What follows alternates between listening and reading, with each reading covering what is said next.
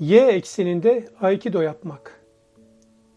Yazan ve okuyan Zafer Parlak. Bugünlerde sıkça gördüğümüz, çarpıcı isimleri olan, sadece kendine odaklanmayı, kıyasıya bir rekabeti ve mutlaka kazanmayı öneren, bunun için sırlar ve reçeteler içeren, sıkıştığı her noktada da işi evrene havale eden, yazarlarının arşa varan egolarıyla samimiyetlerini ve derinliklerini sorgulatan, sosyal sorumsuzluk kokan kişisel gelişim kitaplarından hep uzak dururum. En çok da o her şeyi çözmüş ve ben oldum tavrıyla büyük dağları da ben yarattım diyen yazarın kendi özel yaşamında nasıl biri olduğunu, samimiyetini, kitabında vaaz ettiklerini kendi hayatında uygulayıp uygulamadığını hep merak ederim. Samimiyetini ilk sözcüklerden itibaren hissedeceğiniz, yaşadıklarını yazan, yazdıklarını içselleştiren, dop dolu bir içerik ve akıcı bir dille gönlünüze ve aklınıza konuk olan ve iyi ki kitaplarıyla daha geç olmadan tanıştım dedirten bir yazarla, Cihan Karaoğluoğlu ile tanıştım birkaç ay önce. O sadece bir yazar değil, birkaç alanda uzman, eğitmen ve sivil toplum gönüllüsü aynı zamanda. Kendisiyle karşılık beklemeden iyilik yapmaya ve bilgiyi paylaşmaya odaklanan Uğur Böcekleri Derneği'nin bu yola baş koymuş gönüllüler yetiştirmeyi amaçladığı eğiticinin eğitiminde tanıştım. Daha sonrasında verdiği eğitimlerinden birine de konuk oldum. Dünün Savaşçıları, Bugünün Liderleri ve Y ekseninde Yaşam adlı kitaplarını büyük bir ilgi ve beğeniyle okudum Cihan Karaoğluoğlu'nun. Hemen hemen her sayfada altını çizdiğim satırlar ve paragraflar oldu. Sayfalarca not aldım. Her ikisi de son zamanlarda okuduğum, hediye etmek isteyeceğim kitaplar arasında yerlerini aldılar. İnanıyorum ki kitapları zamanı sınavını başarıyla geçecek, başucu ve ilham kitaplar arasında yerlerini alacaklar. Dileğim yazmaktan ve anlatmaktan hiç vazgeçmemesi ve hep bize önerdiği iyi ekseninde kalması. Ben de bu yazarı ve kitaplarını size tanıtmayı bir görev bildim. Karaoğluoğlu, Japon Aikido ustası, aslında sensei dememiz daha doğruymuş. Gaku Homma Kancho'dan uzun yıllar eğitim almış. Çıraklıktan başlayarak ustalaşmış ve onun çok az sayıdaki yardımcı ve dostlarından birisi haline gelmiş. Anadolu'nun bilge insanlarının ifadesiyle ustasından el alan ama hep çırak kalmayı tercih edenlerden biri olmuş. Bir Japon savunma sanatı olan Aikido, yaşam enerjisiyle uyum yolu anlamına gelir. Diğer uzak doğu savaş sanatları, sporları demek pek doğru değil. Ama darbe ve vuruşlar içeren saldırıyı da içerirken, Aikido'da saldırı ve şiddet yoktur. Doğa ve güçle uyum ve bütünleşmeyi içerdiği, zarar vermemeyi vurguladığı için savunma sanatı olarak görülür. Aikido ile uğraşanlarsa en azından benim genel izlenimim daha mülayimdirler. Yaşam enerjisiyle uyumlu olmayı tercih ettiklerinden olsa gerek, tevazularını hemen hissedersiniz. Karaoğluoğlu, Dünün Savaşçıları, Bugünün Liderleri isimli kitabında insanın var olma, hayatta kalma, hayatı anlamlandırma ve zafer kazanma sürecini Aikido üzerinden anlatıyor. Binlerce yıllık Japon bilgi birikimi ve bilgeliğinin ışığını bunu özümsemiş bir yazar, eğitmen ve ustanın kaleminden okumak çok zevkli. Yazar hayatı boş vermişliğe teslim edilmeyecek kadar gizemli ve savaşı verilecek bir olgu olarak tanımlıyor.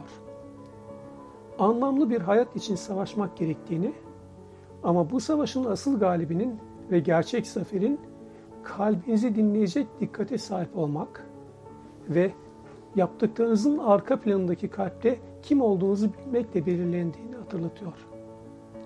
Ve diyor ki, gerçek zafer sadece gereken davranış, davranışları sergilemekle değil, bu davranışların ardındaki hayat görüşünü iliklerine kadar taşıyan bir insan olmakla sağlanıyor.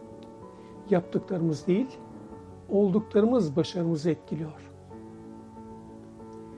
Kitapta hayatta kalma, var olma ve kendi varlığına anlam katma mücadelesi içindeki insan bir savaşçıya benzetiliyor. Savaşçının beş yetisi Aikido öğretisi çerçevesinde uyum, mesafe kontrolü, denge, zamanlama ve farkındalık boyutunda ele alınıyor. Kitap hem özel hem de iş yaşamımızda kullanabileceğimiz çok değerli ve uygulanabilir bilgilerle dolu. Birçok Aikido teriminin günlük yaşama indirgenerek hayatımızla ilgili farkındalık yaratacak ve işlerimizi kolaylaştıracak şekilde açıklanması ise bir başka kazanç. Müzakere, liderlik, kaybetme, mücadele, düşüşler, hırs, geri çekilme, kendini toparlama gibi birçok konuyu örneklendirip öyküleştirerek anlatan yazar, asıl belirleyici olanın nerede durup nereye baktığımız olduğunu vurguluyor. Bunu da kadim öğretilere gönderme yaparak olgular insan yaratmaz, insanlar olguları anlamlandırır diye tanımlıyor ve yaşam enerjisiyle uyumlu olmanın var olma sürecindeki öneminin altını çiziyor. Daima kazanmanın mümkün olmadığını hatırlatan yazar, satranca gönderme yaparak hangi taşları kaybedip hangi taşları alacağınız oyunun adıdır yaşam diyerek bitiriyor kitabını. Birçok kültür ve inanç sisteminin aslında özde aynı olan ama farklı şekillerde ifade edip kucakladığı bir temel gerçek vardır. Özgürleşmek ve mutlu olmak için büyük bir bütünün parçası olduğu bilinciyle hareket etmek, hırslardan arınıp basit bir yaşamı seçmek, başkalarının hayatlarını kolaylaştırıp bütüne değer katmak gerektiği. Yerini sonraki dönemlerde stoacılığa bırakacak olan Kinizmin kurucularından olan Sinoplu Diyojen, mutlu ve özgür olmak için mümkün olan en azı eğitilmeyi tavsiye eder. Ve bilinçsiz insan, köleler efendilerine nasıl itaat ediyorlarsa arzularına öyle itaat eder. Ve arzularını kontrol edemediği için de asla huzur bulamaz der. Basitlikten yana olma boyutuyla kinizmin gelişmiş hali olarak görülen stoacılıkta insanın temel amacının mutluluk olduğunu ve ona ulaşmak için de doğaya uygun yaşamak olduğu, uygun yaşamak gerektiğini savunur. Ama buna etik ve topluma karşı sorumluluk boyutunu da ekler. Eski Yunan'dan Roma İmparatorluğu'na geçen ve Hristiyanlık öncesinde yaygın kabul gören Stoacılığın önderler arasında Seneca, Epiktetus ve İmparator Marcus Aurelius vardır. Mutluluğun azle itilmekte ve bunun farkında olmakla mümkün olduğunu savunan Marcus Aurelius, mutlu bir yaşam için pek az şey gerekli. Gereken her şey içimizde ve düşünce biçimimizde der. Stoacılara göre fiziksel rahatsızlıklarımızın kaynağı bedenimizdir. Ruhsal rahatsızlıklarımızın kaynağı ise aklımızı kullanma şeklimiz, hatalı muhakememiz, yanlış inanç ve düşüncelerimizdir. Stoacılardan çok etkilenmiş olan Shakespeare'de Hamlet'e iyi ya da kötü diye bir şey yoktur. Düşüncelerimizdir onu öyle yapan dedirtir. Buda'ya göre de hayat mutsuzluk, düş kırıklığı ve acılardan ibarettir. Bunun temel nedeni ise ihtiyaç ve istek arasındaki farkı göremeyip bir şeyleri körü körüne istemek ve ona ulaşmak için bedel ödemek ve ödetmektir. Tüm bunlar ise aslında günü yakalamakla yani anda olabilmekle anlamlıdır. Romalıların carpe diem, günü yakala dedikleri şey, geçmiş ve gelecek arasında sıkışmış olan insanın aslında sadece içinde bulunduğu anda var olduğunu farkında olması ve bu bilinçle varlığına bir anlam yüklemesi ve özgür kalabilme mücadelesidir. Aynı zamanda geçmişi unutmamak ve ondan dersler çıkarmak ama onu ayağımıza bağladığımız bir pişmanlık prangası haline getirmemektir de. Gelecek için hayaller kurmayı ihmal etmeyip onun için emek verip alın teri dökerken hırslarımızın esiri de olmamaktır. Elimizde olan tek şeyin aslında tam da içinde bulunduğumuz an olduğunun bilincinde olmak, anlardan oluşan hayatı pişmanlıklara, hırsa ve kaygıya kurban etmeden hem kendimizin hem de başkalarının mutluluğu için yaşamak ve bu sonlu süreçte dokunduğumuz her şeye değer katmaktır. Karaoğlu'nun Karaoğluoğlu'nun ikinci kitabı olan Y ekseninde yaşam ise aslında tarih boyunca neredeyse bütün kültürlerde bir şekilde dile getirilmiş olan anı yakalamak, anda kalmak ve anı anlamlı yaşamak hakkında. Yazar ilk kitabında hayatı bir mücadeleye benzetir. İkinci kitabında ise hayatı ya da mücadeleyi hem yatay hem dikey olarak iki eksende yani x ve y eksenleri arasında yaşadığımızı belirtir. X ekseninde yaşamayı biz seçmiş ve geleceğin tutsa haline getiren, pişmanlık, hırs ve kaygılarla dolu bir zaman seline kapılmaya ve sadece kazanmaya odaklı bir sürece benzetir. Birçok yaşamı barındıran, kazanırken kazandırmayı da gözeten, varlığımızı anlamlı hale getiren, anları içeren Y ekseni yaşamanın ise daha sağlıklı, akılcı ve mutluluk verici olduğunu belirtir. Ve bunu şöyle ifade eder. Y ekseni her yeni güne her yeni günü bambaşka bir yaşam diye görür.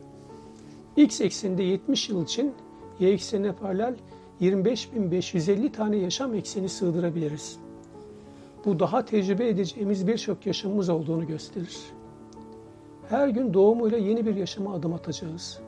Sırtımızda olan pişmanlıklarımızı tek bir eksende taşımaya çalışmaktansa her yeni güne başka bir y ekseninde hafifleyip başlayacağız savaşımıza. Yazara göre her bir günü bir ömür olarak kabul edip yaşayarak aslında her bir güne çocukluğun saflık, doğallık, merak ve öğrenme gücünü, gençliğin canlılığını ve hareketliliğini, yetişkinliğin deneyim ve iş yapabilme becerisini, yaşlılığın bilgelik ve dinginliğini, ölümün de sonsuzluk ve sonsuzluk bilgisini sığdırabiliriz. Böylece her bir günü bir günden oluşan anlamlı anlarla dolu binlerce ömür yaşayabiliriz. Y eksinde yaşamanın sonlu bir ömürde sanki sonsuzmuşuz gibi anlamlı ve yararlı bir yaşam bize baş edebileceği, bahşedebileceğini belirtiyor Karaoğluoğlu. Y eksenine geçmek için de öncelikle sonsuzlukla aramıza giren içimizdeki boş odayı doldurmamızın önemini, ayağımızdaki en önemli kum torbalarından müsabaka kültürü, kültürü, para ve kontrolsüz güç hırsından kurtulmamız gerektiğini vurguluyor.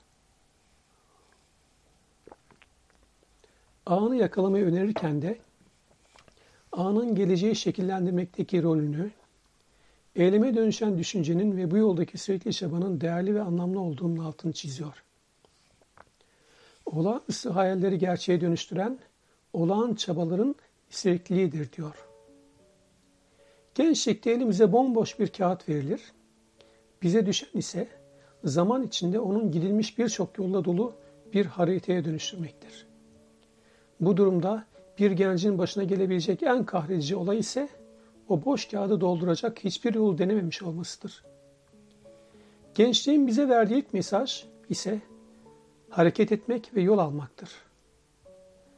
Hareket ise deneyimlerden oluşan bilgeliği getirir beraberinde. Y ekseninde yaşayan herkes her bir günün çocukluk, gençlik, yetişkinlik, yaşlılık ve ölümü içerdiğini bilir. Kazanmış olduğu bu farkındalık ona yaşam bilgeliği verir ve her anın anlamlı olması için çaba gösterir. O bu süreçte ben merkezlikten sakınır, iyi niyetli hatalar yapmaktan korkmaz ama bilinçli hatalar yapmaktan kaçınır.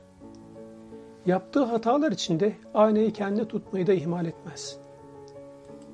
Çatışmalar kaçınılmaz olsa bile uzlaşma için çaba harcanmalıdır. Bu da her tarafın, her iki tarafın iyi niyetli adımlar atmasını gerektirir. İlk adımı atan da uzun vadede her zaman daha çok kazanır. Çünkü hayat aslında denge üzerine kuruludur ve yaşam enerjisiyle uyum içinde olan her zaman kazançlıdır. Karaoğluoğlu bunu şöyle açıklıyor. Kalp şeklinde bir vazonun kırılma anında her zaman iki çift el olur. Biri vazoyu aşağı iten, diğeri vazoyu yere düşerken tutamayan. Biz suçu hep iten ellerde ararız. Karaoğluoğlu sonra da Y ekseninde yaşarken bir gelecek hayalinin ve yaşam amacının vazgeçilmez olduğunu ama insanın değerini vardığı noktanın değil, o noktaya gitmek için uğraşırken sergilediği duruşun belirlediğini anlatır. Bu durumda Y ekseninde yaşamak, geçmişin pişmanlıkları ve geleceğin endişeleri arasında sıkışmış bir yaşamdan uzak durma ve içinde başkaları için de sorumluluk barındıran bir ana odaklanma sürecidir. Anda olmak, hayatın çizgisiz sayfalarında önemli olan yazdıklarım anda olmak Karaoğluoğlu'na göre hayatın çizgisiz sayfalarında önemli olan yazdıklarımız veya yazacaklarımız değil, yazmaya devam ediyor olduğumuzdur. Ama ne yazdığımız da elbette çok önemlidir. Ve boş sayfada bırakılan çizgiler bir gönle girmeye de hizmet etmelidir. İhtiyaçları giderilmiş ve mutlu bir hayat sürme arzusu bütün canlıların doğasındadır. Ama bu noktada yaşam için gerçekten gerekli olan ihtiyaçların giderilmesiyle hiç bitmeyen isteklerin tatmin edilmesi süreçleri birbirine karıştırılır.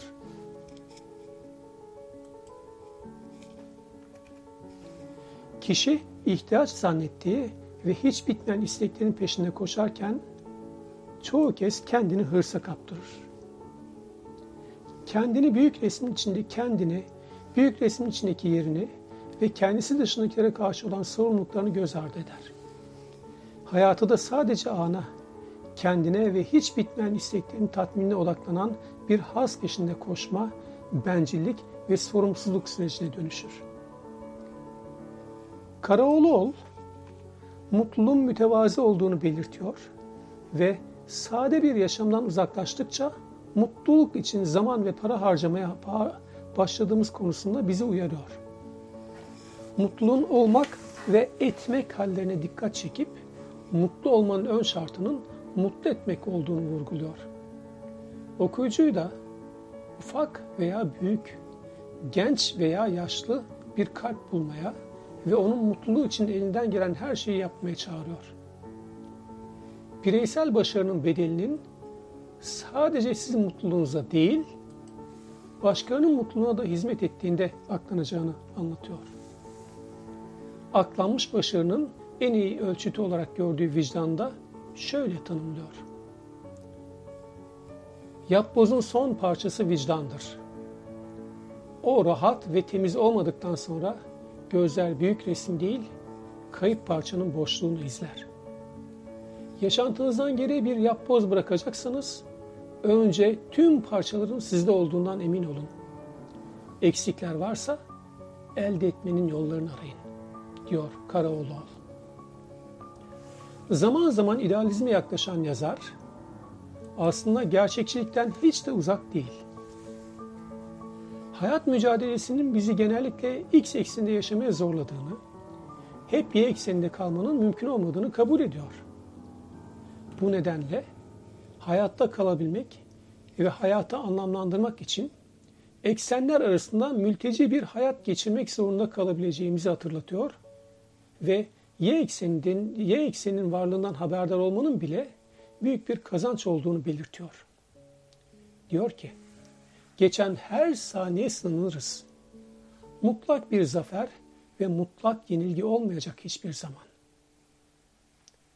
Burada adeta Yunus Emre'nin hepsinden iyice bir gönle girmektir dizelerine ve Behçet Necatigil'in sevgilerde şiirine gönderme yaparak başkalarına vermiş olduğumuz hediye paketlerinin içine kazanmak için değil, kazanmak için zamanımızı boşa harcadığımız malı mülkü değil, Y ekseninde yaşarken ayırdığımız zamanı koymamızı öneriyor.